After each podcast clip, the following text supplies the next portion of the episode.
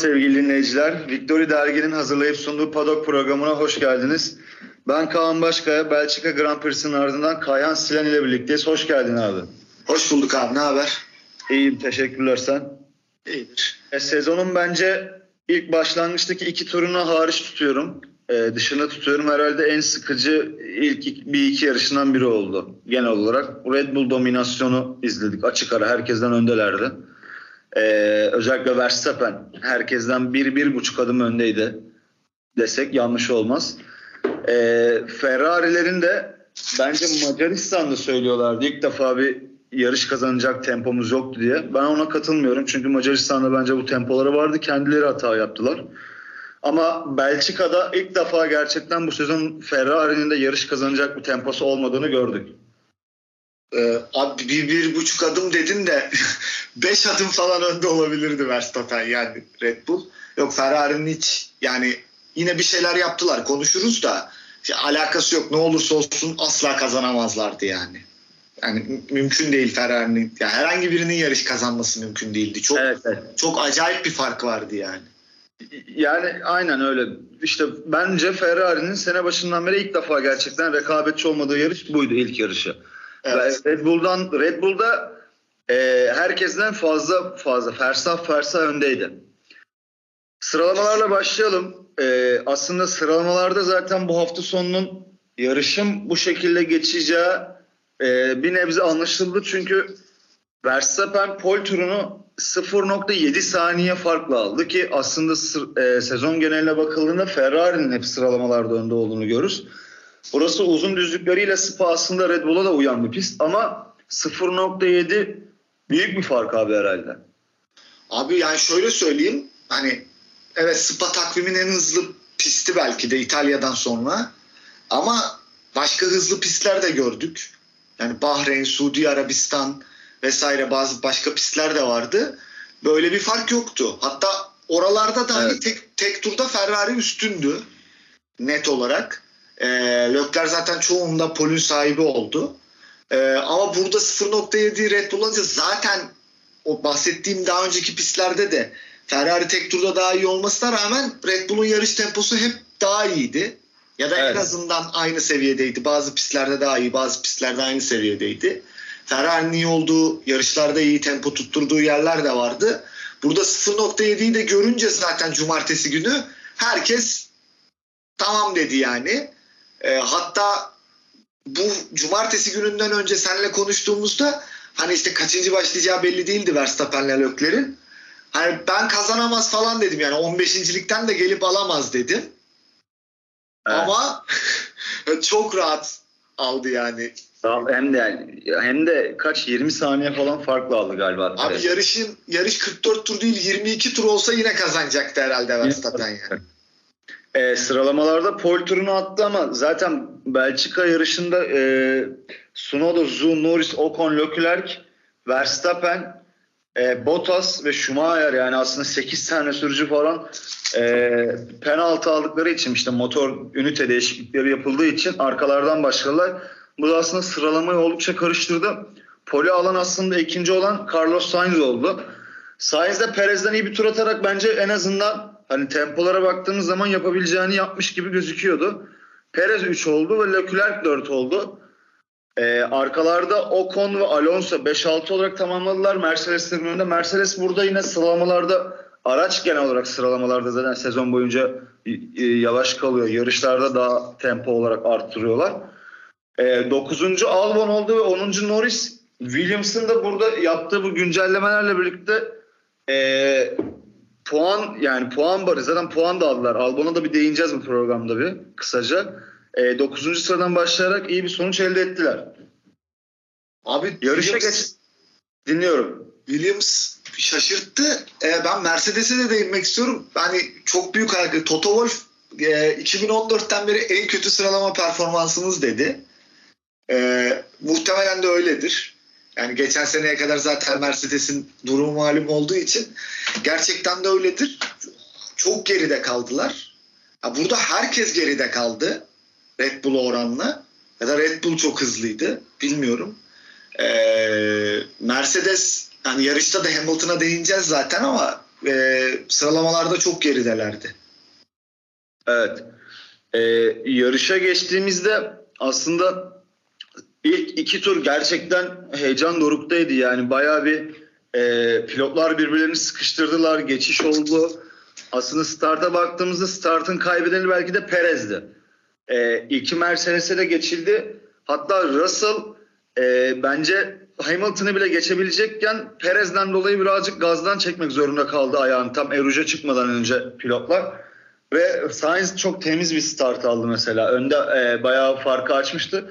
Eruj'dan Kemal düzlüğüne çıktıktan sonra abi orada bir ortalık karıştı ve e, 2007'ye bir geri döndük. Göz kırptı Hamilton. E, bu arada Hamilton hatasını kabul etti ama bence de zaten hani biz ben onu izlediğim an Hamilton'ın e, dışarıdan gelip içerideki çizgiyi kapatması yani hiç yer bırakmadı Alonso'ya ve kaza kaçınılmaz bir hal aldı orada. Sonrasında da abi yani sonrasında aslında son zamanlarda birbirlerine karşı pilotların e, Hamilton'la Alonso özelinde konuşmak gerekirse daha saygı çerçevesinde olduklarını görüyorduk ama Alonso birazcık galiba anlaşmayı bozdu gibi bu hafta. Abi Alonso ne dedi ya? Yani ben sana onu yazdım direkt. bu adam sadece en önde olduğunda gidebiliyor dedi. Yıllardır içinde tuttukları da evet. herhalde. Evet, aynen öyle bence de. Yok e, zaten Hamilton hatalıydı. Hatasını da kabul etti yarıştan sonra. E, çok net. Ya start iyiydi.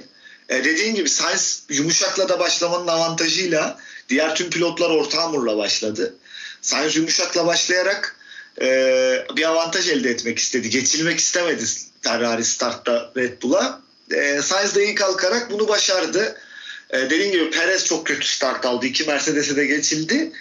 Ama ardından olayla birlikte Perez de yerini geri aldı. Zaten ondan sonra ha bu arada startta şeye de değinelim. Yani Verstappen 14, Leclerc 15 kalktı ve çok hızlı yükseldiler. Evet Verstappen startta 6 sıra kazanıyor. Aslında Leclerc de 6 sıra kazanıyor ama oraya da bir değineceğiz. Ee, bence o Verstappen'in Verstappen'in kaskıydı Leclerc'in arabasını yapışan çünkü hemen öndeydi. Hatta bir Zaten var. abi görüntü var. Verstappen'den gelmiş parça.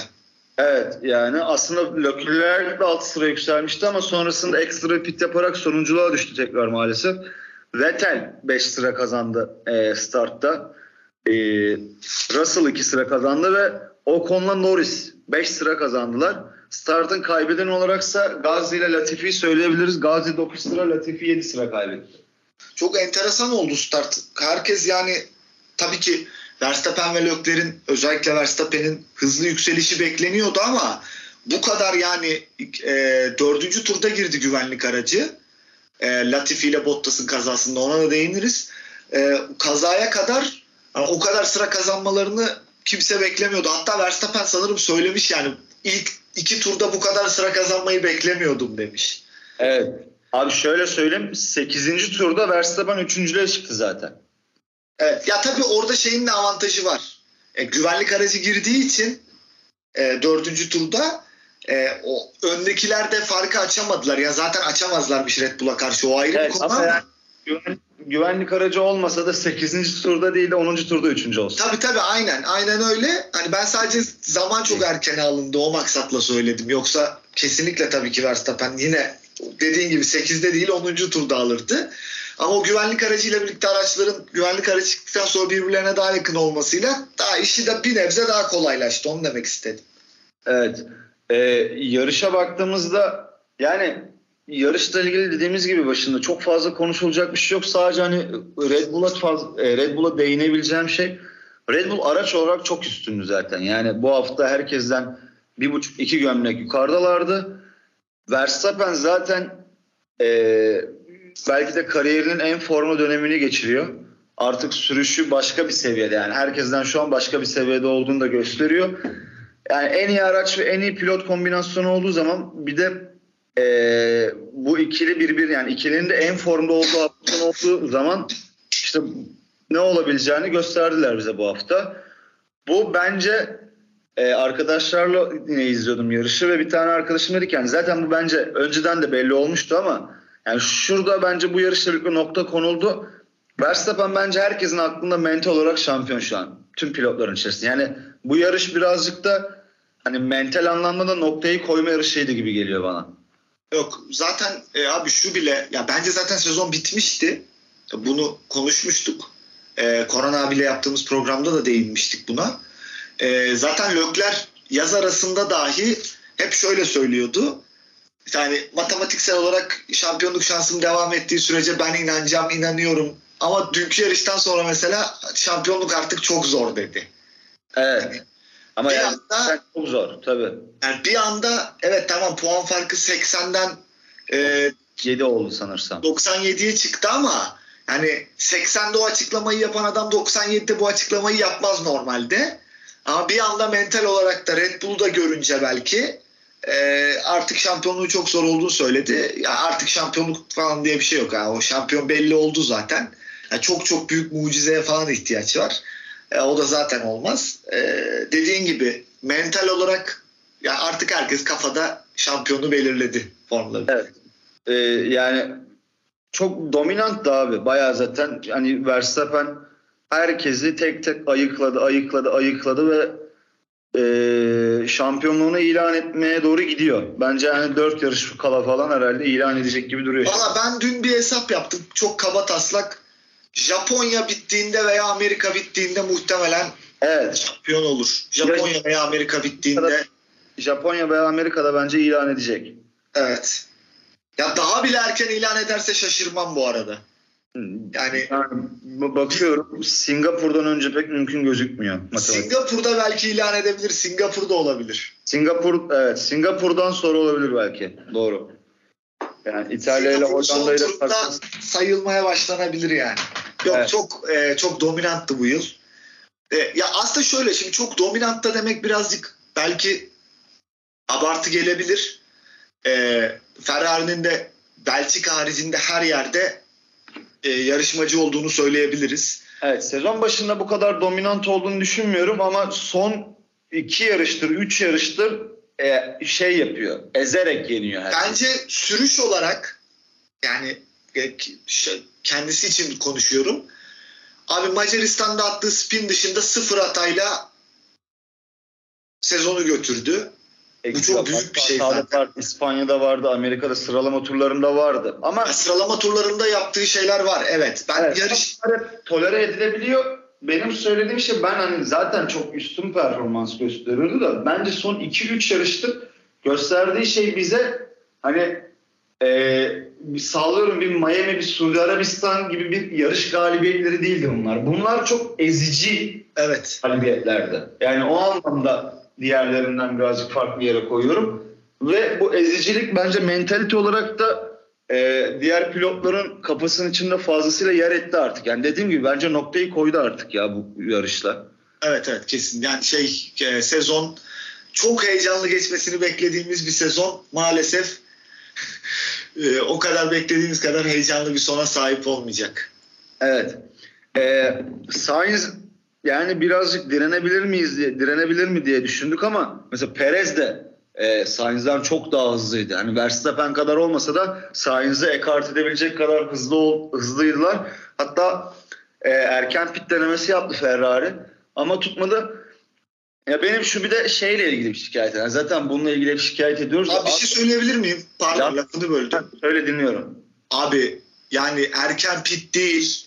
Yani dünyanın en iyi stratejistlerini falan getir. O, dünkü yarışta hiçbir şey olmazdı. Yok, olmazdı olmazdı. Ama şundan çok sıkıldım. Şu lastiklerin yani Pirelli'nin tutarsızlığı artık e, tat kaçırıyor. Abi yani, o yıllardır zaten yani inanılmaz o ya. Yani, yani bu kadar tutarsız olmayı nasıl başarıyorlar? Ee, yarıştan yarışlara değişken bir şekilde. Bir de her yarış farklı bir şekilde. Çok farklı sonuçlar geliyor.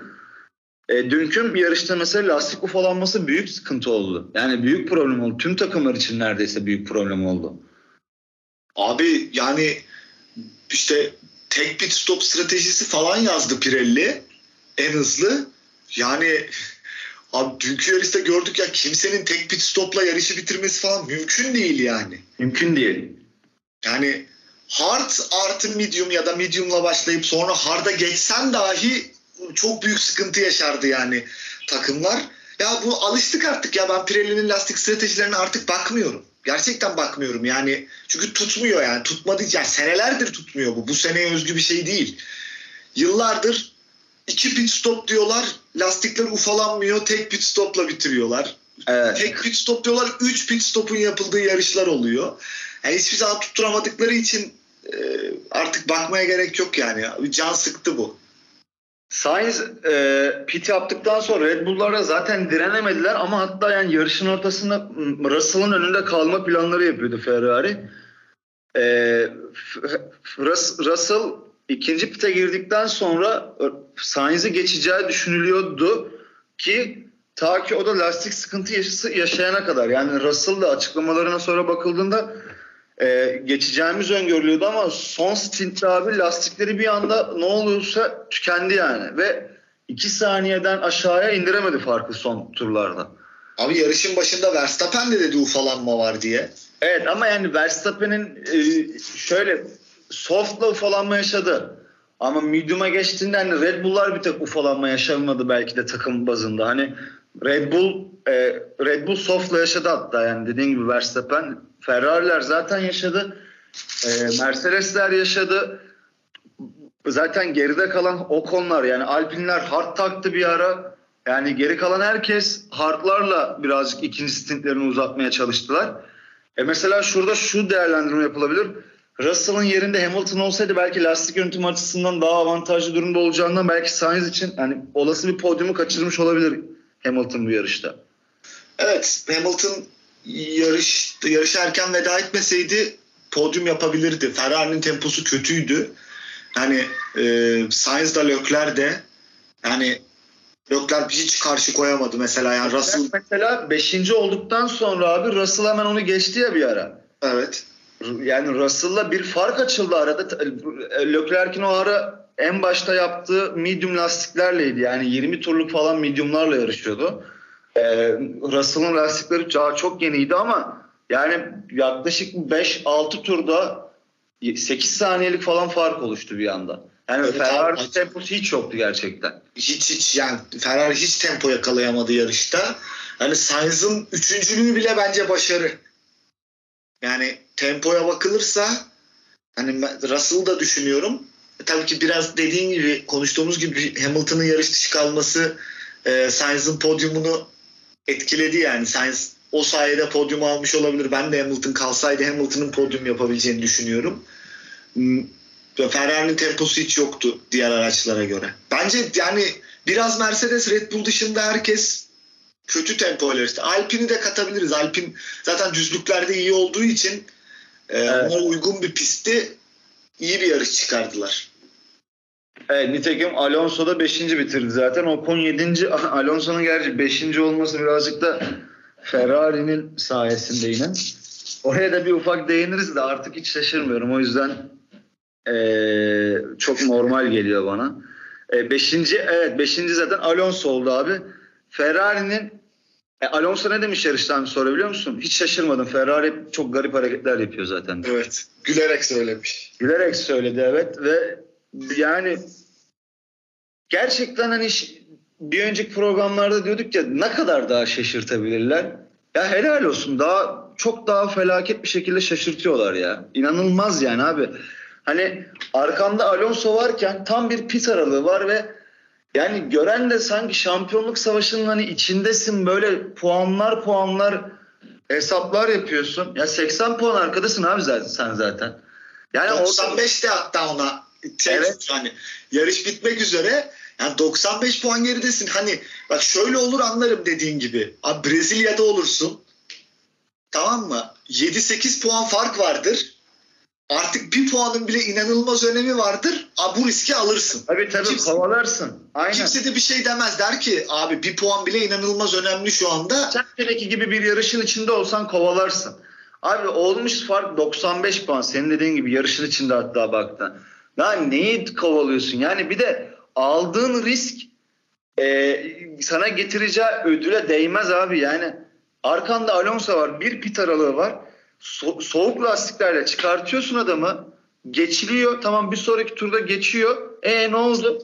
Bir de yani şunu da düşünemiyor hiç. Hani zaten o al, alınan 5 saniyelik cezaya geleceğiz. Bir de şunu da düşünemiyorlar. Son turda abi en hızlı tur için kasacak. Abi en hızlı tur için kasarken adam geçiş yapmak zorunda aynı zamanda Alonso. Yani geçiş yaparken nasıl en hızlı tur atılabilir ki abi? Bunu evet. da hiç düşünmüyor. Ya ya inanılmaz gerçekten bak sokaktan geçen birisine bir hafta ders versen ve yönetirsen daha iyi yönetir. İnanılmaz abi. Ve Binotto'nun tekrar açıklamaları var. İşte şey falan demiş güldüm yani ben. İşte e, doğru kararı verdiğimizi düşünüyorum yine. Sonuçta Formula 1'de yarışıyorsunuz. Birazcık cesur olmanız lazım falan demiş yani. Abi Binotto hiçbir zaman yanlış bir karar vermiyor ki. Ağzından öyle bir şey duymadım ben abi. Yani bu kaçıncı yarış, kaçıncı hata oldu sayamadım. Ama her yarıştan sonra biz doğru kararı verdik diyor abi. Hep haklı bir notta yani. Hep haklı abi bir notto. Hep müthiş kararlar veriyor. O yüzden 95 puan geride yani. Şu araçla yani evet. bak tek tek sayalım. Bak çok ciddi söylüyorum. Tek tek sayalım. Ferrari'nin Red Bull'dan iyi tempoda olduğu daha fazla yarış sayarız. Yani tabi olabilir. Ee, Daha ama fazla yani puan farkı hadi şöyle düzgün yönetselerdi Leclerc önde bile olabilirdi abi şu an. E tam Leclerc'in de hataları oldu. İki tane çok kritik hata yaptı. Bir tanesi bence o kadar kritik değildi hani Imola'da yapılan. Fransa'daki hata kritik bir hataydı. O dönüm noktalarından birisiydi. Ki Hani ben Leclerc'in hata yaptığını düşünüyorum ama o bile bazı kişiler tarafından büyük şaibeli bulunuyor. Hala orada Ferrari'nin bir parmağı var mı acaba o gaz pedalında diye düşünülüyor birçok kişi tarafından. Biz bunu belki de hani dediğimiz gibi yıllar sonra Leclerc olur da bir röportaj veya bir kitap çıkartırsa falan orada öğrenebileceğiz. Ama e, onun dışında yani şu anki puan farkını nereden baksan hani 50-60 puanlı falan Ferrari'ye yazarsın. Net yazarsın ya. Yazarsın. Yani gerçekten hani e, sene sonunda yani sezon bittiğinde bunu yaparız. Yani gerçekten Ferrari'nin Red Bull'dan daha iyi olduğu yarış sayısı daha fazla ama puan farkı 95. Evet. Yani bu arada bak şöyle de bir şey var. Herkes işte Lökler'in Azerbaycan ve İspanya yarışından bahsediyor. Hani iki yarış dışı kaldı. Abi Verstappen de ilk kere yarış dışı kaldı. Avustralya ve Bahreyn'de yarış dışı kaldı Verstappen. Aslında evet. yarış DNF sayıları eşit. Ama evet. Ferrari öyle yarışlarda strateji hataları yaptı ki yani işte Abi, Fransa direkt olarak Verstappen'e kazandırdığı yarışlar oldu. Heh, abi İspanya, Azerbaycan, Azerbaycan, Monaco, Macaristan. evet. Hani bunlar da İngiltere. İngiltere. Yani tamam İngiltere'yi Sainz kazandı ama yani sonuçta Verstappen'in rakibini Verstappen'in rakibini Lökler olarak kabul ettiğimiz için bu şekilde konuşuyoruz. Yani tam İngiltere'yi Sainz kazandı. Okey yarışı Sainz kazandı ama e, hani Lökler açısından değerlendiriyoruz biz.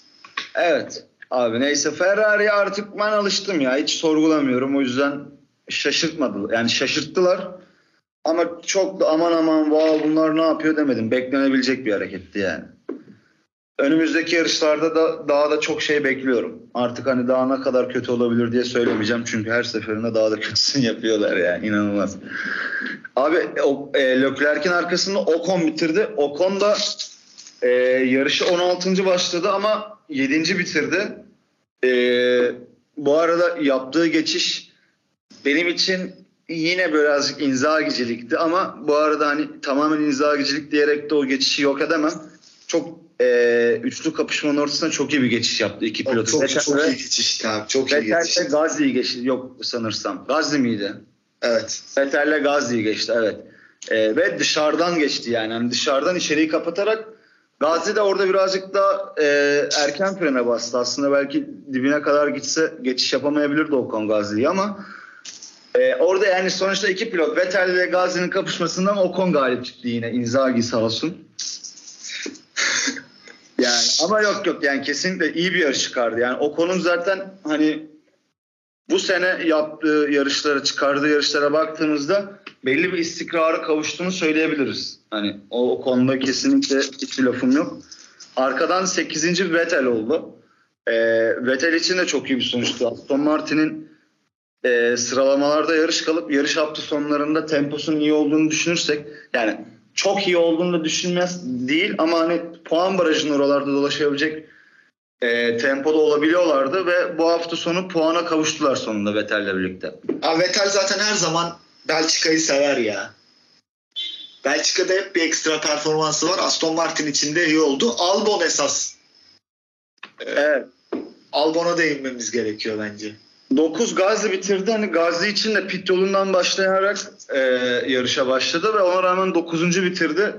E, onun için de aslında hani Alfa Tauri'nin bu sezonki genel görüntüsüne bakarsak gidişatına olumlu bir hafta sonu geçirdiğini söyleyebiliriz ve aynen öyle. Benim e, bu programda birazcık değinmek istediğim pilotlardan bir tanesi Alexander Albon. Ben dediğim gibi zaten iyi bir pilot olduğunu düşünüyorum ama Williams'ın ileri adım atmasıyla birlikte Albon da bence araçta kendisini yeterince rahat hissediyor. Çünkü birazcık ben şeyi olduğunu düşünüyorum abi. Yani Verstappen'in yanında kim gitse zaten çürüdü abi orada. Yani Verstappen Red Bull'un içinde tek hakim kişi oraya.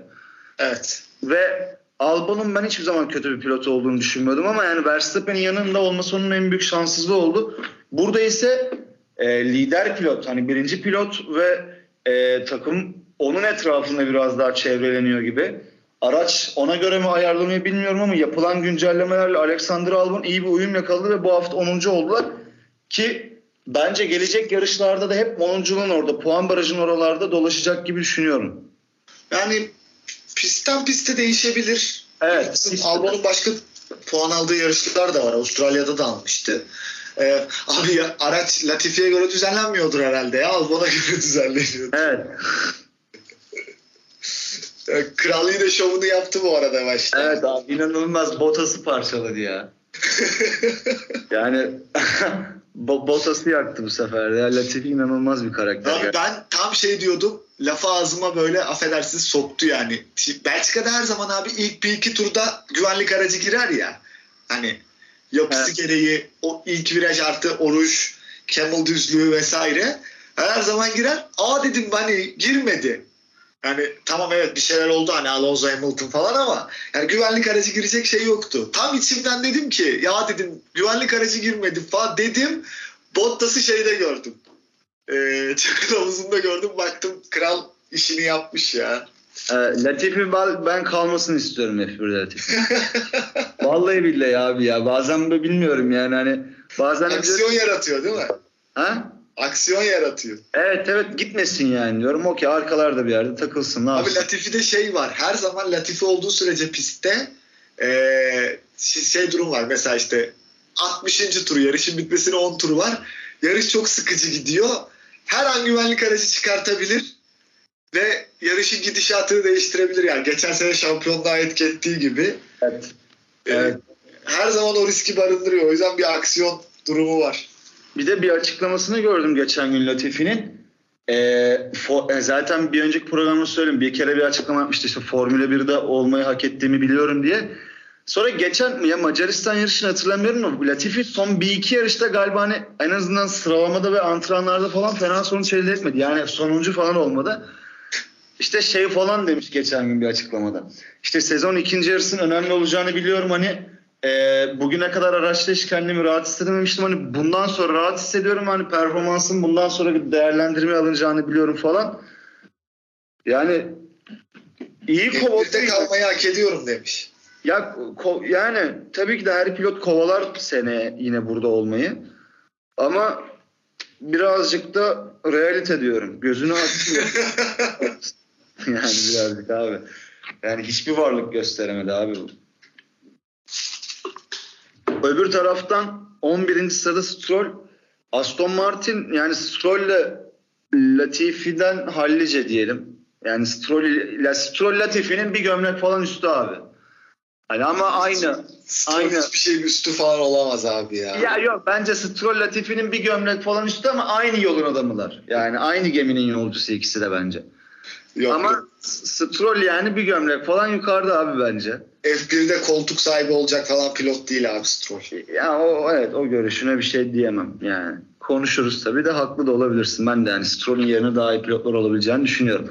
Ama 11. tamamladı Stroll'le. Yani aslında yarışın başında fena da start almadı o da ama e, yarış tamamladı. McLaren'lar bu hafta sonu büyük kayıp. Yani Ricardo 7.likten başladı. Abi Ricardo ile ilgili e, fikrim Ricardo'nun iyi bir pilot olduğunu düşünüyorum ama galiba gerçekten e, hani bazen dersin ya acaba emeklilik zamanı mı geliyor diye.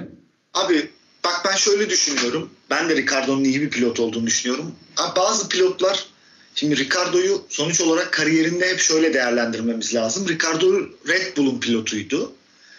Evet hiçbir zaman Red Bull'dayken Ricardo Red Bull şampiyonluğa oynamadı. Evet. Şampiyonluğa oynayacak bir araç araca sahip olmadı. Çünkü tam 4 yıl üst üste Vettel'in şampiyonluklarından sonra geldi Ricardo. Çok iyi sezona başlangıç yapmıştı. Vettel'i yendi ilk senesinde. Aynen 2014'te. Sonra bence Ricardo hani Ricardo'dan da o dönemi hatırlayalım. Yani ben beklemiyordum ama kamuoyunun çoğu şampiyonluk bekliyordu. Yani Ricardo'nun bir gün dünya şampiyonu olabilecek bir pilot olduğu söyleniyordu. Red Bull ona öyle bir araç verdiğinde çünkü gerçekten e, Mercedes'in 2-3 e, gömlek altında bir araçla her sezon 2-3 yarış kazandı Ricardo. E, o yüzden bu beklenti bittikten sonra artık özellikle McLaren'e de geçip McLaren'de de beklenilen seviye hiçbir zaman gelmedi araç olarak konuşuyorum. Ricardo bence artık kafada şey ya Raikkonen modunu açtı yani. Yani Raikkonen modunu açtığımı bilmiyorum ama Ricardo'nun ben hani F1'de bir şans yani McLaren'dan sonra bir şansı daha olması gerektiğini düşünüyorum. Hani nitekim bunu yaz arasında konuşmuştuk. Yani McLaren'la uyuşmadı kimyaları. Bilmiyorum. Birazcık gerçekten Norris iyi bir pilot. Norris de onu kötü gösterdi. Araca alışma anlamında olsun. Ve orada bir numaralı pilot tabii ki de Norris. Yani belki ilk geldiğinde böyle değildi durumlar ama geleceğin şampiyonlarından biri olarak adlandırıldığı için e, Norris'in de birazcık gölgesinde kaldı. Ama kendisine uyabilecek bir takımla ben yine şampiyonluk şansı artık geçti tabii ki de ama e, Formula 1'de bulunabil yani bulunması gereken pilotlardan biri olduğunu düşünüyorum. E, kendisine uygun bir kimya bulursa, bir araç bulursa, bir takım bulursa gelecek sene Alpin konuşuluyor. Alpin Schumacher ile ilgili konuşuluyor. Schumacher Alpin'e giderse Haas seçeneği konuşuluyor. Ee, bakalım göreceğiz. Yani Ricardo içinde neler olacak göreceğiz. O da zaten kendiyle ilgili, kendi geleceğiyle ilgili hiçbir fikri yokmuş daha öyle söyledi geçen gün. Evet. Haaslar bu bu hafta yani Haas Alfa Romeo'lar bu hafta bitik. Hiç yok. Abi, Hiç yok yani. Onları hani... Ferrari'ye bakarak anlayabiliriz zaten evet. ya. Evet. Ee, Bottas 2015-2014'ten sonra ilk defa sıralamalarda Q1'de elenmiş mesela. Ee, o zaten penaltı aldığı için hiç çıkmadı ama yani Haaslar Alfa Romeo sezon başında fena değildi. Yani sonradan hiç var olamadılar. E, Alfa için öyle söyleyebilirim. Haaslar da hani McLaren'lar için söylüyoruz ya bazı yarışlar var bazı yarışlar yok diye. Çoğu yarışta yoktular ama oldukları yarışlarda yukarısı için zorluyorlar. Bir iki evet. kere de şanssızlık yaşa. Mesela Fransa'da yukarıya oynayabilirlerdi ama sıralamalarda yaşadıkları şanssızlıkla birlikte e, puan kaybettiler. Yani puan alamadılar Fransa'da. Mesela o onlar için bir şanssızlık çünkü sıralamalara baktığında araçla araç yukarıya oynayabilecek bir araçları vardı ilk onun için. Abi yani dediğim gibi bu arada Haas'la Alfa Romeo e, şey Ferrari'ye bakarak görebiliriz. Haas için ben de McLaren'le McLaren için sezon başından beri seninle şeyi söylüyoruz. Bazı varlar ya da yoklar. Hiç e, ortası yok. Haas için de biraz durum geçerli. Alfa Romeo'da çok büyük bir düşüş var sezonun başına göre. Yani sezon, sezon başında net olarak dördüncü takımlardı. İlk üç evet. yarışı baz aldığımızda.